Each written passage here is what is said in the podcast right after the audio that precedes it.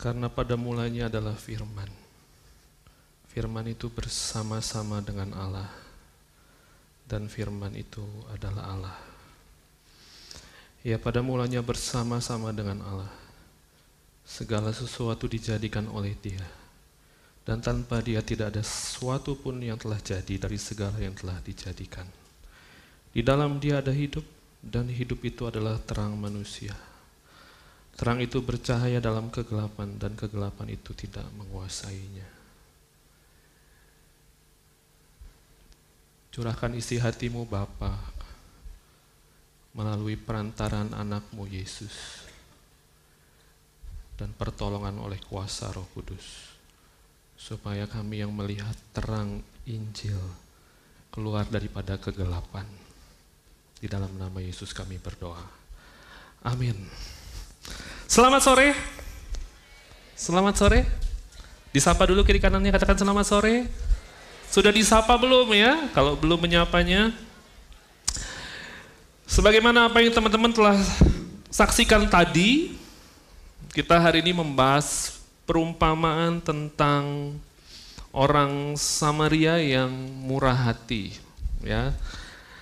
Ada banyak orang berpikir bahwa perumpamaan ini berbicara tentang bagaimana Tuhan mau kita menjadi orang yang murah hati. Memang dari perumpamaan ini kita bisa melihat bagaimana kita perlu jadi orang yang murah hati. Tetapi sebetulnya bukan itu pesan utama yang Tuhan mau sampaikan lewat perumpamaan ini. Bukan setelah ini Tuhan mau kita jadi orang yang generous, Bukan hanya itu, setelah ini traktir teman, setelah ini tolong orang, setelah ini melayani orang, bukan itu yang utama daripada tujuan di perumpamaan ini, tetapi lewat perumpamaan ini kita akan melihat pesan karya penebusan Kristus bagi hidup kita. Nah mari kita memulai dalam Lukas 10 ayat 25. Pada suatu kali berdirilah seorang ahli Taurat untuk mencobai Yesus.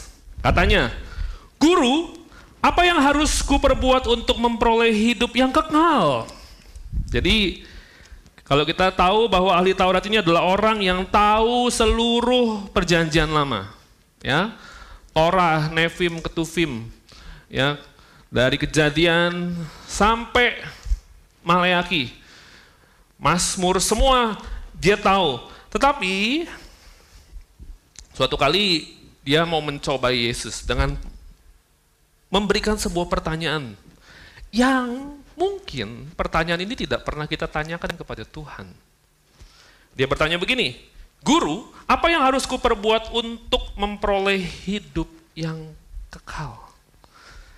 Memang tujuannya untuk mencobai, tapi pertanyaannya menarik. Dan pertanyaannya sering kali tidak ditanyakan oleh orang-orang Kristen. Mereka bertanya, bagaimana memperoleh hidup yang kekal? Kalau hari ini anak-anak Tuhan tanya gini, bagaimana saya memperoleh jodoh? Bagaimana saya memperoleh nilai yang baik? Bagaimana saya bisa memperoleh perguruan tinggi yang saya mau? Bagaimana saya memperoleh pekerjaan yang sesuai dengan keinginan hati saya? Bagaimana, bagaimana? Dan rasanya pertanyaan ini pertanyaan yang jarang terlintas dalam pikiran kita atau kita tanyakan kepada Tuhan. Nah, tetapi sebetulnya pertanyaan ini, guru, apa yang harus kuperbuat untuk memperoleh hidup yang kekal adalah inti daripada perumpamaan ini. Karena topik utamanya tentang kehidupan yang kekal, maka jawaban Yesus bukanlah tentang kamu nggak boleh begini, kamu nggak boleh begini. Kamu habis ini harus berbuat baik, kamu habis ini harus generous, traktir teman, tolong orang. Bukan tentang itu. Karena topik utama yang diangkat oleh ahli Taurat adalah tentang karya keselamatan. Bagaimana kita memperoleh hidup yang kekal. Sehingga perumpamaan ini akan berbicara tentang rahasia keselamatan yang kita kenal dengan sebutan Injil Kristus.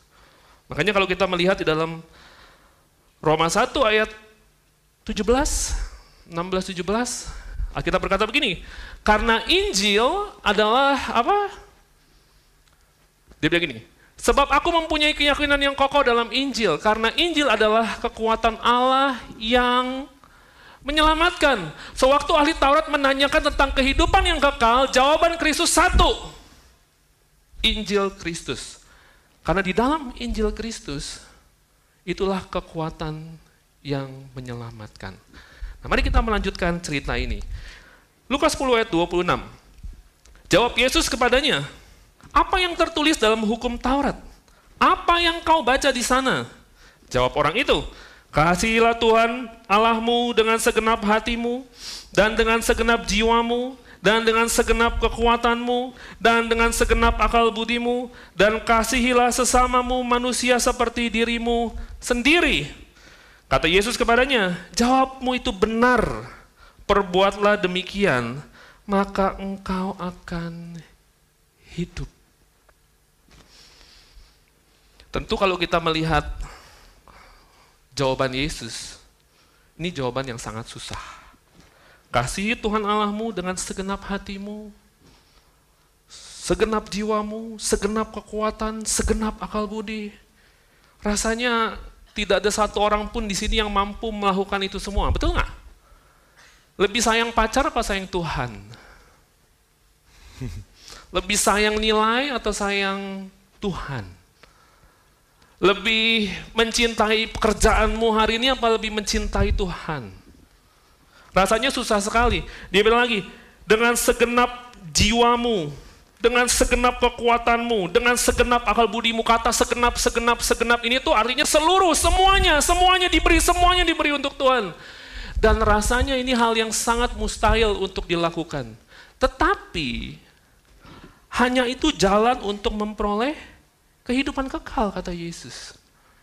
Nah, kalau kita melihat ayat ini, tentu ayat ini sangat tidak mungkin untuk dilakukan tanpa tanpa seseorang menerima karya keselamatan Allah dalam dirinya. Makanya setelah setelah ayat ini dikatakan, Yesus memberitakan tentang Injil Kristus. Karena kalau orang disuruh melakukan ini tanpa kekuatan Roh Kudus, dia nggak bisa. Makanya setelah apa yang Yesus katakan ini, dia menceritakan sebuah perumpamaan tentang keselamatan. Dan barang siapa menerima keselamatan itu, ia akan memperoleh roh kudus yang memampukan mereka untuk melakukan ini semua. Lalu di ayat 28 kata Yesus kepadanya, jawabmu itu benar. Tetapi Yesus bilang gini, lu udah jawab benar tapi sebetulnya tidak cukup. Tahu firman itu satu hal, tetapi melakukan itu hal yang lain. Makanya Yesus bilang, jawab lu itu benar. Tapi yang Yesus minta, dia bilang begini, perbuatlah demikian, maka engkau hidup. Makanya iman selalu berbicara tentang iman dan perbuatan. Enggak pernah iman terpisah daripada perbuatan. Iman yang benar menghasilkan perbuatan yang benar. Dan inilah yang Yesus sedang ngomong tentang keselamatan. Dia mau ngomong begini, imanmu nanti akan menghasilkan perbuatan yang benar. Untuk apa? Mengasihi Allah dengan segenap, segenap, segenap, segenap itu. Tetapi sebelum kau mengasihi Allah dengan segenap, segenap, segenap itu, kau perlu tahu dulu cerita ini, kata Yesus. Nah, barulah di ayat 29. Tetapi untuk membenarkan dirinya, orang itu berkata kepada Yesus, dan siapakah sesamaku manusia? Jadi ahli Taurat ini setelah dengar kayak gitu, dia pikir, kalau mengasihi Tuhan mungkin Yesus nggak tahu. Karena pribadi banget. Lalu dia tanya, siapa manusia? Siapa sesamaku manusia? Dia sedang mengajukan pertanyaan yang lain, mungkin dia pikir Yesus perlu waktu yang lebih lama untuk menjawab, atau yes, dia pikir Yesus akan akan ngomong sesuatu yang nantinya dia bilang begini, saya sudah lakukan itu. Kamu mengerti konteksnya? Nah dia 30 jawab Yesus, inilah ceritanya. Adalah seorang yang turun dari Yerusalem ke Yeriko ia jatuh ke tangan penyamun-penyamun yang bukan saja merampoknya habis-habisan, tetapi yang juga memukulnya dan yang sesudah itu pergi meninggalkannya apa? Setengah mati. Jadi Yesus menjawab pertanyaan ahli Taurat dengan sebuah cerita. Dan orang-orang yang mendengarnya pada saat itu sudah dengan mudah membayangkan ada orang yang jatuh ke tangan penyamun, yang dirampok habis-habisan, dan ditinggal setengah mati.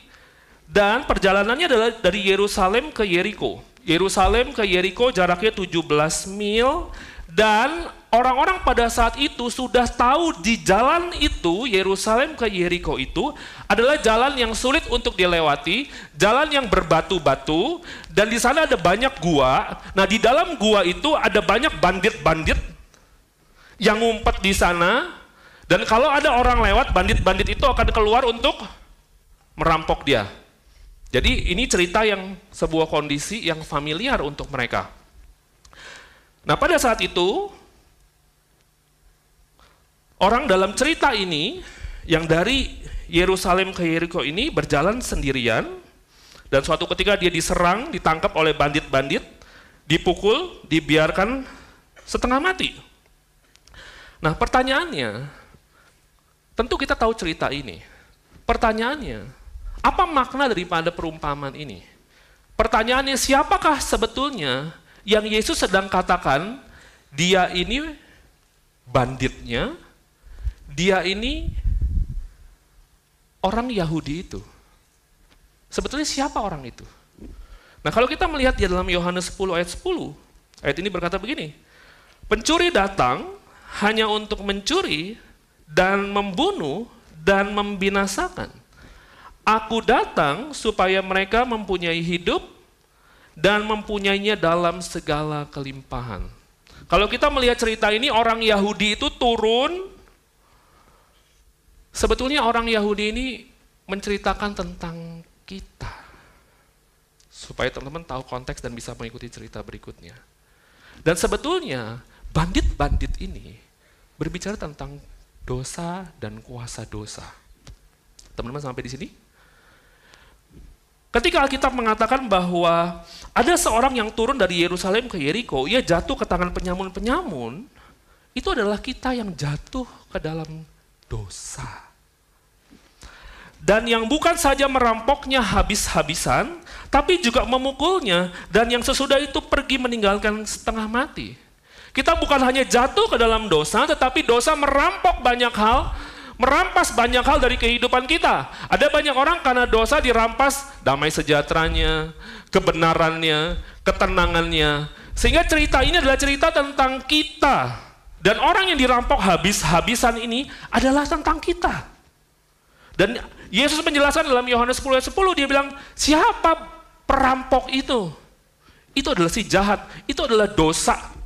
Yang pencuri datang hanya untuk mencuri daripada kita, membunuh dan membinasakan kita. Dosa datang untuk mencuri banyak hal kebenaran dalam diri kita, dosa datang membunuh kita, dosa datang membinasakan kita.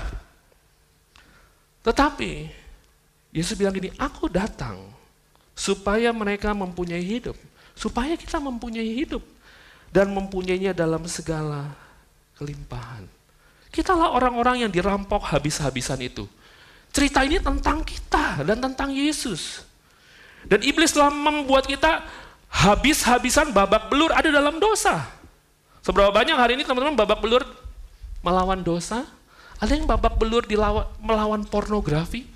Ada yang babak belur melawan masturbasi? Kayaknya susah sekali. Ada yang babak belur melawan dosa tertentu yang kau berkata gini, susah sekali buat menang. Rasanya buat melawan kembali itu nggak bisa. Rasanya buat kabur nggak bisa. Seperti saya seakan-akan dipenjara oleh dosa. Saya babak belur karena dosa. Itulah gambaran tentang kita. Makanya poin pertama firman Tuhan hari ini adalah sesungguhnya kitalah orang yang telah dirampok, dibunuh, dan dibinasakan oleh karena dosa-dosa kita. Boleh ditampilkan ada slide-nya di sini. Sehingga kita sangat berjauhan dan menjadi musuh Allah. Jadi teman-teman semua, poin pertama firman hari ini, kisah ini, orang Yahudi ini adalah tentang kita. Kita yang telah dirampok. Ada orang hari ini hidup tanpa damai sejahtera. Ada orang hari ini hidup tanpa ketenangan. Kenapa hari ini kita hidup dengan insecure? Karena mungkin dosa merampoknya dibunuh, dibinasakan, ada orang mati-matian, babak belur lawan dosa, jatuh dalam dosa yang sama berulang, berulang, berulang, berulang. Dan itulah tentang kita. Dan karena dosa, kita sangat berjauhan dan menjadi musuh Allah. Teman-teman tahu, orang Yahudi tidak bergaul dengan orang Samaria. Orang Yahudi itu musuhan sama orang Samaria. Berjauhan. Kenapa berjauhan? Orang Yahudi melihat kehidupan mereka, keturunan mereka itu keturunan bangsa pilihan. Waktu mereka melihat orang Samaria, Samaria itu orang keturunan campuran Yahudi dan non-Yahudi. Buat mereka, mereka nggak mau gaul sama orang campuran. Sehingga orang Yahudi dan orang Samaria ini hidup berjauhan. Dan kenapa Yesus menceritakan kisah Yahudi dan Samaria yang berjauhan? Ini sedang menggambarkan kita yang di dalam dosa hidup berjauhan dengan Allah. Makanya kalau kita mau bilang seberapa kita dekat dengan Tuhan, bukan saat itu. Orang bilang gini, eh saya dong dekat sama Tuhan. Setiap Jumat saya komsel, setiap Sabtu ibadah, hari Rabu saya pemuritan, setiap hari saya saat teduh. Saya ini dekat sama Tuhan. Teman tahu, ciri orang yang dekat sama Tuhan apa? Dia menjauhi dosa. Ciri orang yang dekat dengan Tuhan, dia menjauh daripada dosa. Karena Tuhan dan dosa tidak bisa berdekatan.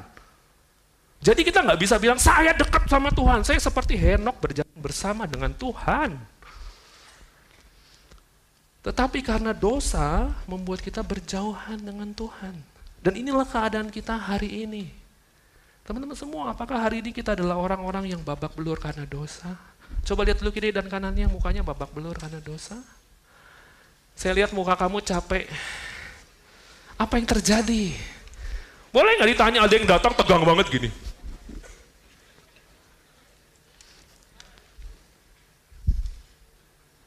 Ditanya kamu hari ini punya beban hidup apa?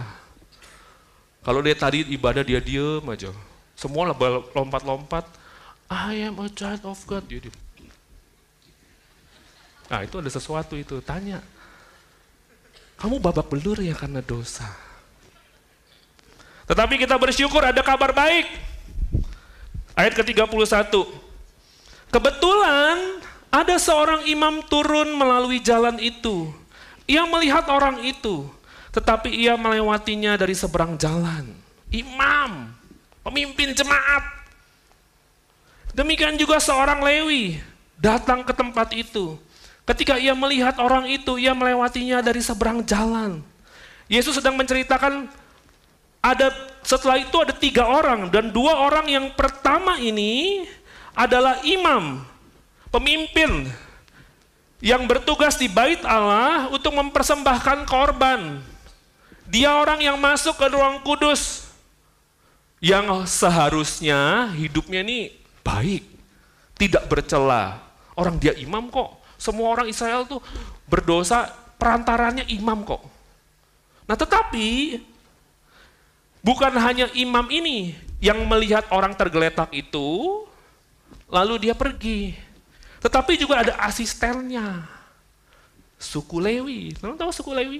Para full timer gereja, hamba-hamba Tuhan.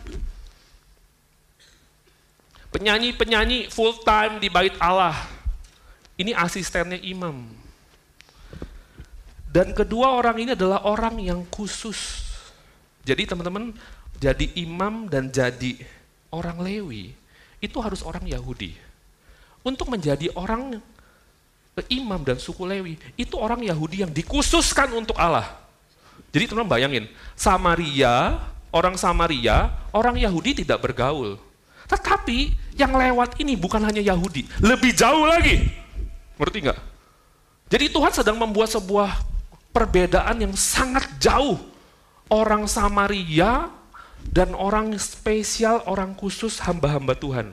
Tetapi hamba-hamba Tuhan ini waktu melihat orang yang setengah mati itu, dia coba lihat, oh kok gak mau ikut deh. Dulu aku pernah, tahun 2007, aku pulang dari Prias Jati sama PKS aku. Kita lewat di Sunter, deket itu, tenda Sunter, Aquarius nasi uduk. Waktu lewat di situ, kan baru pulang ya, habis dari Prias Jati. Tiba-tiba ada motor, ketabrak motor, kencang sekali nabraknya. Gitu, orangnya udah mental, sudah masuk, ada kali kan situ ya. Ye ketawa. Ini nih orang Yahudi nih. Langsung PKS ku dia bilang gini, kep, kep, kep, kep, ada apa tadi, ada apa? Kita lihat di sana, kita lihat di sana. Lalu PKS ku turun. Aku tidak mau turun. Dan PKS ku bilang gini, ayo kita lihat. Terus aku bilang gini, gak aku tunggu sini aja. Karena aku pikir gini loh, saya tuh bisa tolong apa? Betul nggak? Saya kan lagi itu 2007 gue satu SMA. Apakah gue turun mau bilang gini, saya tolong, saya tolong. Kayaknya enggak ya. Paling kan gue udah tahu ceritanya gini, oh oke. Okay. Kesian ya, kesian, kesian gitu. PKS gue bilang gini, ayo lihat. Dia pergi lihat, terus dia bilang gini, ayo lihat, ayo lihat. Karena aku juga nggak enak, kayaknya kurang empati gitu ya. Jadi aku ikut dia gitu. Habis ikut dia, aku bilang gini, kok jadi kita mau ngapain habis ini? Ya lihat aja. So aku lihat dia, nggak ngapa-ngapain. Ya kita bisa buat apa? Ayo kita pulang. Dia bilang gitu. Aku pikir ya, siapa yang lebih berdosa? Tetapi orang ini, mungkin kita juga familiar. Tapi orang ini imam, pemimpin jemaat, kemudian full timer, orang Yahudi yang dikhususkan oleh Allah. Waktu dia ngelihat orang yang tergeletak setengah mati, dia bilang gini, gue nggak mau sentuh. Kenapa mereka nggak mau sentuh? Karena dalam tata cara mereka beribadah, orang yang sentuh sama mayat najis. Mereka bilang begini, gue nggak mau sentuh. Orang habis ini gue mau persembahkan korban, kotor-kotorin tangan gue. Itulah imam dan orang-orang Lewi ini. Yang merasa bahwa untuk apa ngotorin tangan? Kita nih harus menyembah. Suku Lewi itu kan para full timer penyanyi-penyanyi dalam bait Allah. Dan orang-orang dan imam ini orang yang mempersembahkan korban. Buat dia gini, ngapain tolong orang? Bikin tangan gue najis. Karena ini loh kita kan harus ibadah. Kita kan harus kasih persembahan. Itu cara pikir mereka.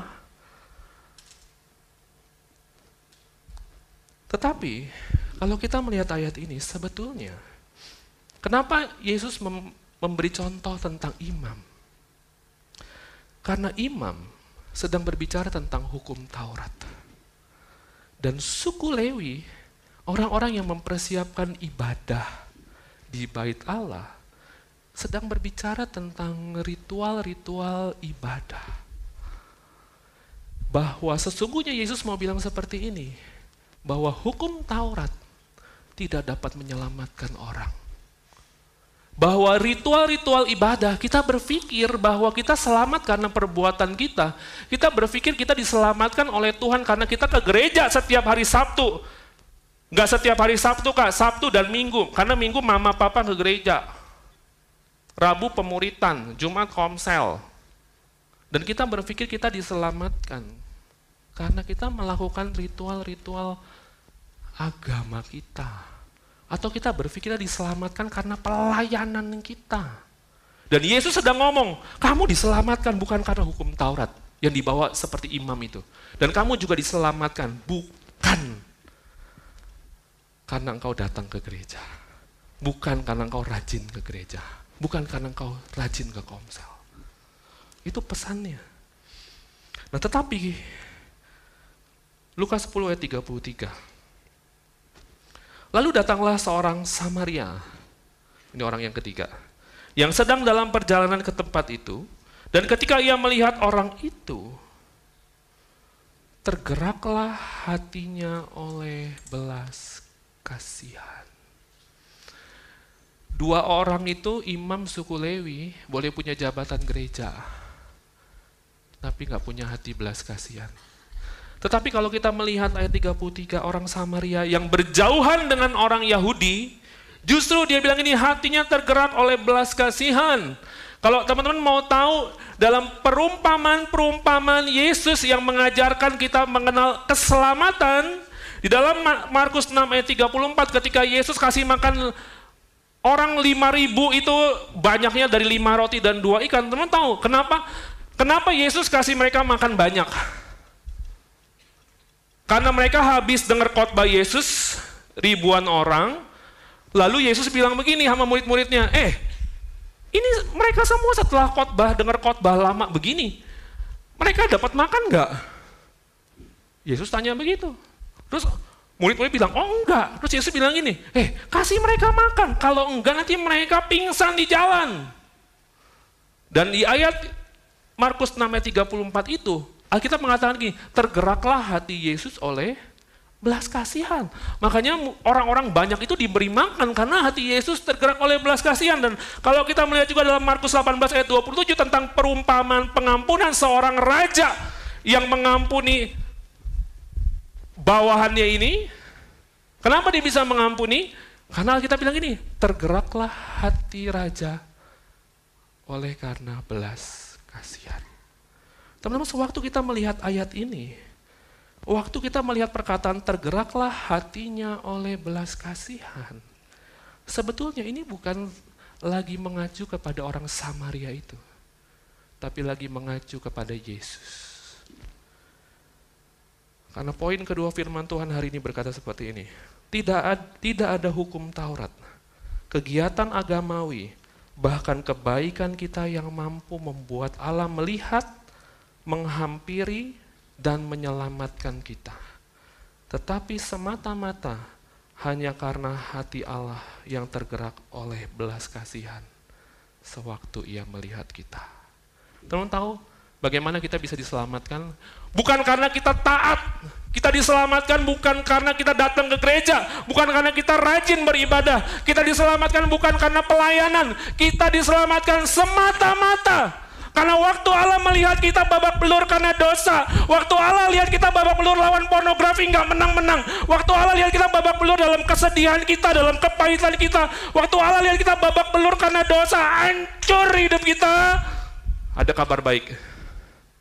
Waktu dia lihat kita seperti itu, tergeraklah hatinya oleh belas kasihan. Makanya engkau diselamatkan bukan karena perbuatan baik Iman kita bukan 50%, 50% kita masuk surga. Kita diselamatkan semata-mata. Waktu Allah lihat hidup kita, dia lihat gini, kasihan banget. Setiap malam jatuh pornografi. Kasihan banget. Insecure setiap hari. Kasihan banget terikat dosa. Kasihan banget babak belur lawan dosa Kasihan banget hidupnya jatuh bangun dalam dosa terus-terusan. Kasihan banget setiap malam gak bisa tidur karena dosa. Kasihan banget hidupnya kayak seolah-olah gak kuat melawan belenggu dosa. Tergeraklah hati Yesus oleh belas kasihan. Kalau hari ini engkau bisa mengenal dia, bersyukur. Karena dia berbelas kasihan melihat engkau.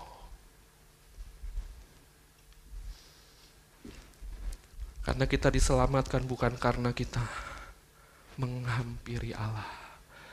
Zakheus itu tahu Yesus datang. Zakheus yang badannya pendek itu segera lari naik ke atas pohon untuk dia lihat siapa itu Yesus. Tetapi sesungguhnya Zakheus tidak pernah menemukan Yesus. Karena waktu Zakheus ada di atas pohon, Yesus jalan. Dia di atas pohon. Tetapi karena Yesus mengasihi Zakheus. Yesus angkat kepalanya ke atas. Dia bilang gini, Zakheus turun. Hari ini saya datang ke rumahmu. Keselamatan kita bukan karena engkau bisa menarik perhatian Allah. Engkau diselamatkan bukan karena engkau bisa menggoyang surga. Doa saya nih hidupnya harus baik. Kita diselamatkan bukan karena perbuatan baik kita. Kita diselamatkan bukan karena kita yang mengejar Allah. Zakheus lari-lari, cari naik ke atas pohon. Tapi kalau Tuhan gak lihat ke atas, lewat aja dia. Percuma naik pohon. Tetapi itulah hati Tuhan bagi kita. Kenapa hari ini kita ada di tempat ini? Karena tergeraklah hatinya oleh belas kasihan kepada kita. Kalau kita merenungkan hal ini, kita akan mampu mengasihi Allah dengan segenap hati, segenap kekuatan, segenap akal budi, segenap, segenap, segenap. Karena engkau tahu, engkau tidak punya kontribusi apa pun di dalam keselamatanmu.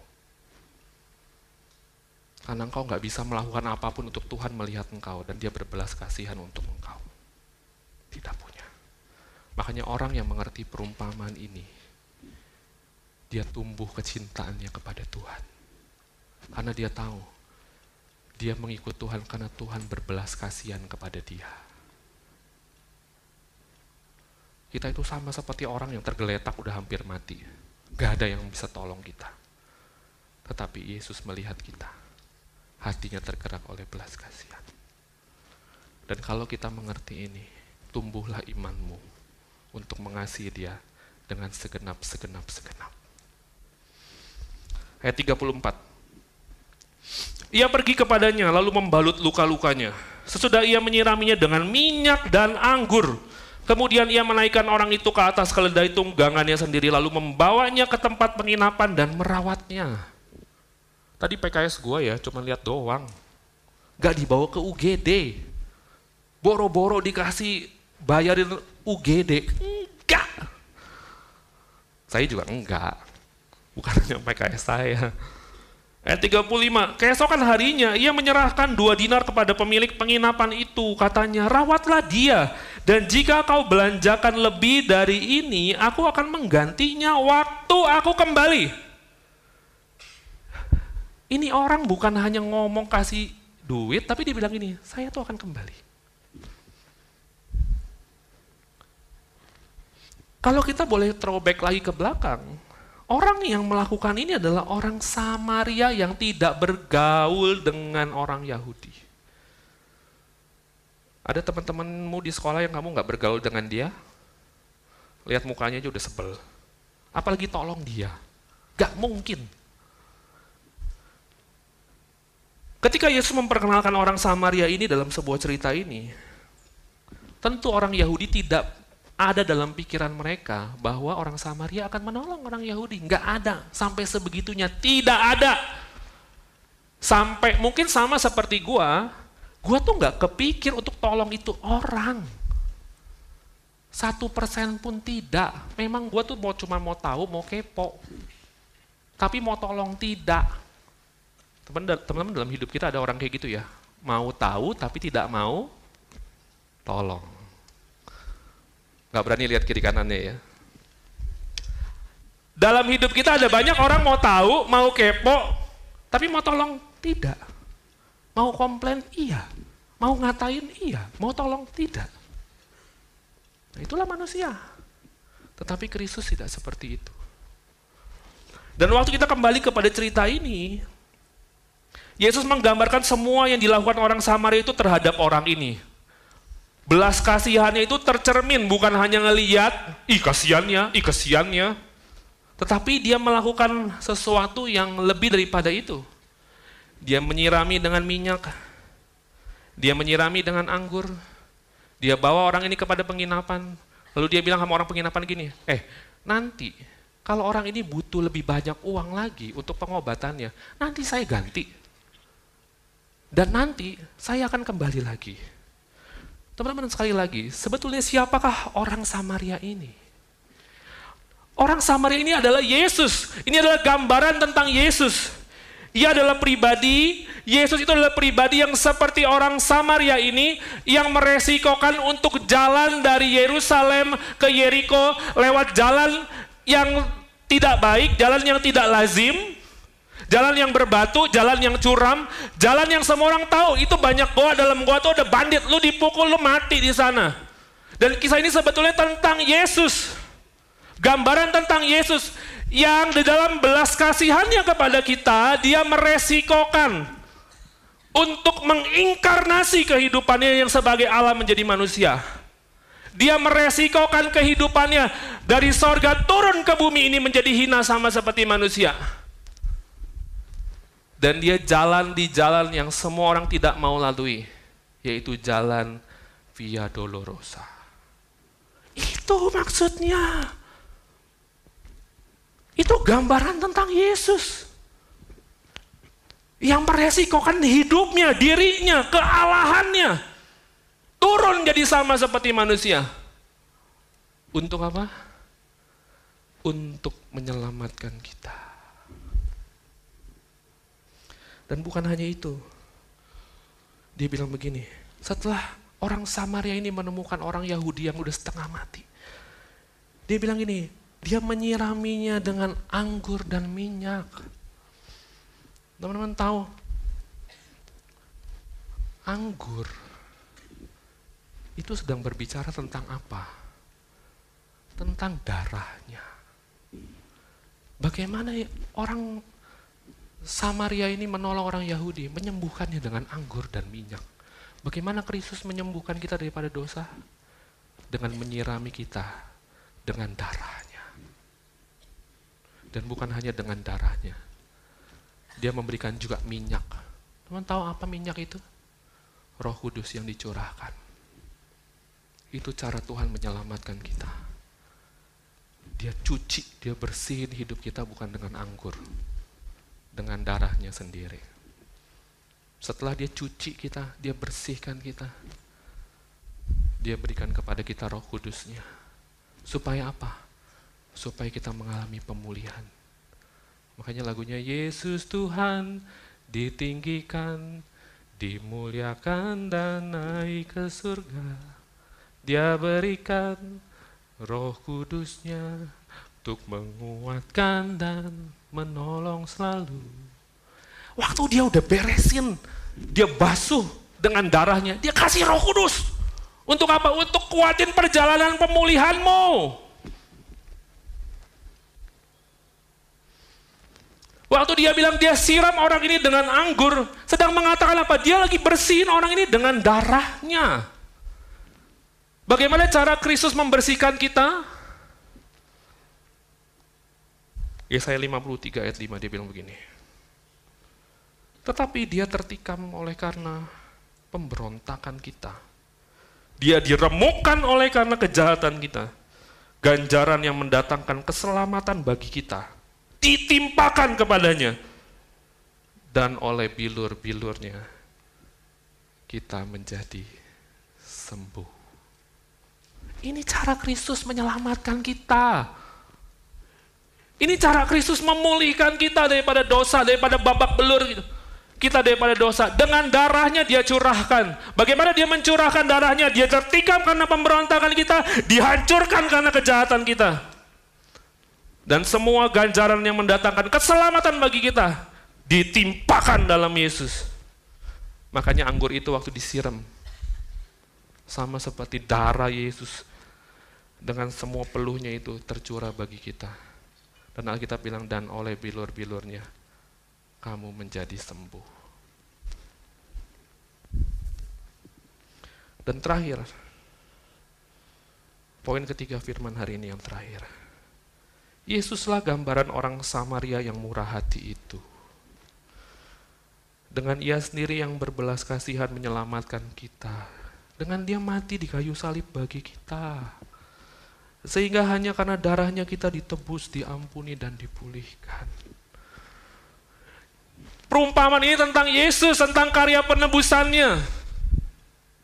Yang barang siapa menerima belas kasihan Allah dan menerima karya keselamatan Allah, dia dapat berkata, saya mau mengasihi Allah dengan segenap, segenap, segenap, segenap. Kenapa saya mau mengasihi Allah dengan segenap, segenap, segenap? Karena Yesus mengasihi saya segenap, segenap hatinya, segenap kekuatannya, segenap hidupnya. Dia berikan bagi saya. Sehingga karena saya menerima itu, saya bisa mengasihi dia kembali dengan segenap, segenap, segenap. Sama seperti dia mengasihi saya. Total. Dan kalau kita melihat cerita ini kembali, orang Samaria itu membawa orang yang dirampok ini ke tempat penginapan. Ia menyerahkan dua dinar kepada pemilik penginapan dan berjanji akan kembali. Teman tahu tempat penginapan ini apa? Tempat penginapan ini adalah gereja Tuhan. Orang-orang yang diselamatkan, yang babak belur karena dosa, dibawa ke gereja Tuhan. Makanya teman-teman gereja bukan kumpulan orang yang sempurna. Kalau kalian kecewa karena gereja, itu biasa. Karena gereja itu kumpulan orang-orang berdosa yang gak sempurna, nyampur semua. Jadi satu diaduk-aduk. Makanya awal-awal gue seneng lihat tuh, lama-lama gue enak lihat tuh juga. Dan mulailah kita menjadi kecewa. Kemudian kita mau mencari gereja lain yang kita pikir ada gereja yang lebih sempurna. Ada, ada gereja yang lebih sempurna daripada Abalef. Tapi waktu kamu masuk ke dalamnya, gereja itu tidak jadi sempurna lagi. Iya, iya. Tambah masalah di sana. Karena ada orang tidak sempurna seperti kita. Dan memang Tuhan menyediakan gereja untuk menjadi sarana pemulihan bagi kita semua yang berdosa. Makanya hari ini join dalam komsel, join dalam pemuritan. Datang begini doang, nggak berubah-berubah. Karena di dalam rumah Tuhan, di dalam gereja Tuhan, orang-orang yang sakit ini akan dipulihkan, disembuhkan. Dan ada satu hal yang menarik, dia bilang begini, orang ini, orang Samaria ini bilang sama tempat penginapan begini, nanti saya kembali ya, nanti saya kembali. Teman tahu artinya apa? Yesus akan datang kembali untuk gerejanya. Dia janji, dia akan datang kembali untuk kita. Dan waktu dia datang kembali untuk kita, dia mau lihat kita sembuh. Dia mau lihat kita pulih. Dia mau lihat kita makin kudus. Dia mau lihat kita suci. Waktu dilihat kita, dia mau lihat kita, kita semakin sama seperti dia. Dan dia janji akan kembali untuk gerejanya. Inilah pesan Injil daripada firman hari ini. Ayat ke-36 sampai 37. Siapakah di antara ketiga orang ini menurut pendapatmu adalah sesama manusia dari orang yang jatuh ke tangan penyamun itu?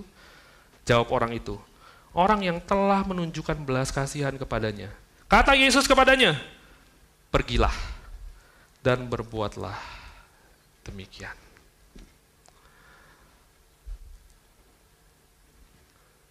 setelah kita menerima karya penebusan Kristus, kita menerima belas kasihan Allah. Pergilah, kasihilah Allahmu, kasihilah sesamamu. Itulah pesan firman hari ini. Teman-teman semua, adakah engkau adalah orang-orang yang telah menerima belas kasihan Allah?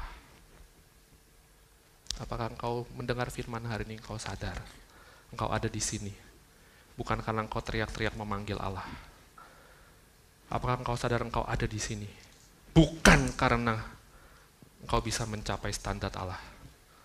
Engkau semua ada di sini. Kita semua ada di sini. Karena tergeraklah hati Allah dengan penuh belas kasihan melihat kita babak belur karena dosa. Menyadari hal ini membuat engkau tahu di mana engkau ditemukan Allah. Engkau ditemukan Allah di dalam keberdosaanmu, kehancuranmu, babak belurmu karena dosa. Dan hanya dia yang meresikokan dirinya. Turun, berinkarnasi menjadi manusia. Ambil salibnya, pikul salibnya. Dia lewati jalan Via Dolorosa itu. Mati tergantung di kayu salib. Dia menyerahkan hidupnya total bagi kita. Sehingga barang siapa yang percaya kepadanya tidak binasa, melainkan beroleh hidup yang kekal.